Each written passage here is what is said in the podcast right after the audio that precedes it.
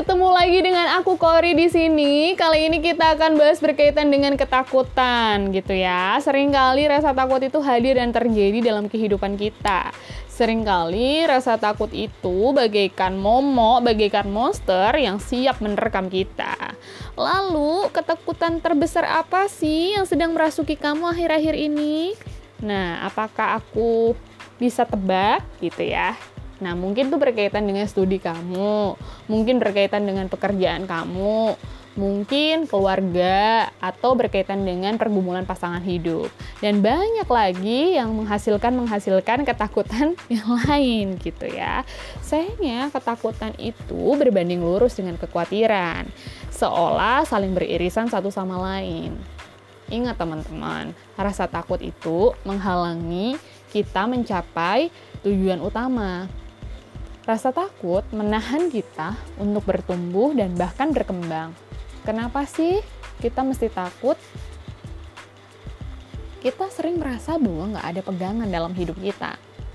Kita sering merasa orang nggak peduli sama hidup kita. Kita sering merasa bahwa peluang itu tipis untuk bisa berhasil. Kita sering merasa bahwa trauma-trauma yang lain itu sering datang, kayak kegagalan-kegagalan di masa lampau dan bahkan itu membekas di jiwa kita. Padahal, kalau kita lihat di Injil, Matius pasal 6 ayat 27, Siapakah di antara kamu yang karena kekhawatirannya dapat menambahkan sehasta saja pada jalan hidupnya? Gak ada seorang pun. Balik lagi kepada Tuhan. Nah sekarang kamu sadar gak sih kalau kamu tuh dikasihi Tuhan, kamu disayangi Tuhan, ingat kamu tuh berharga loh oleh Tuhan kamu sangat berharga buat Tuhan. Tuhan tuh berjalan bersama kamu meskipun kamu gak sadar itu.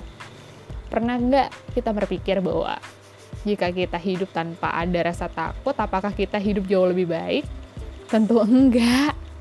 Karena hari-hari ini rasa takut tuh mengajarkan kita loh. Mengajarkan apa?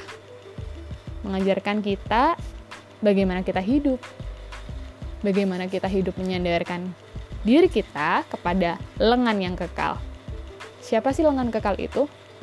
Allah sebagai sumber pengharapan kita.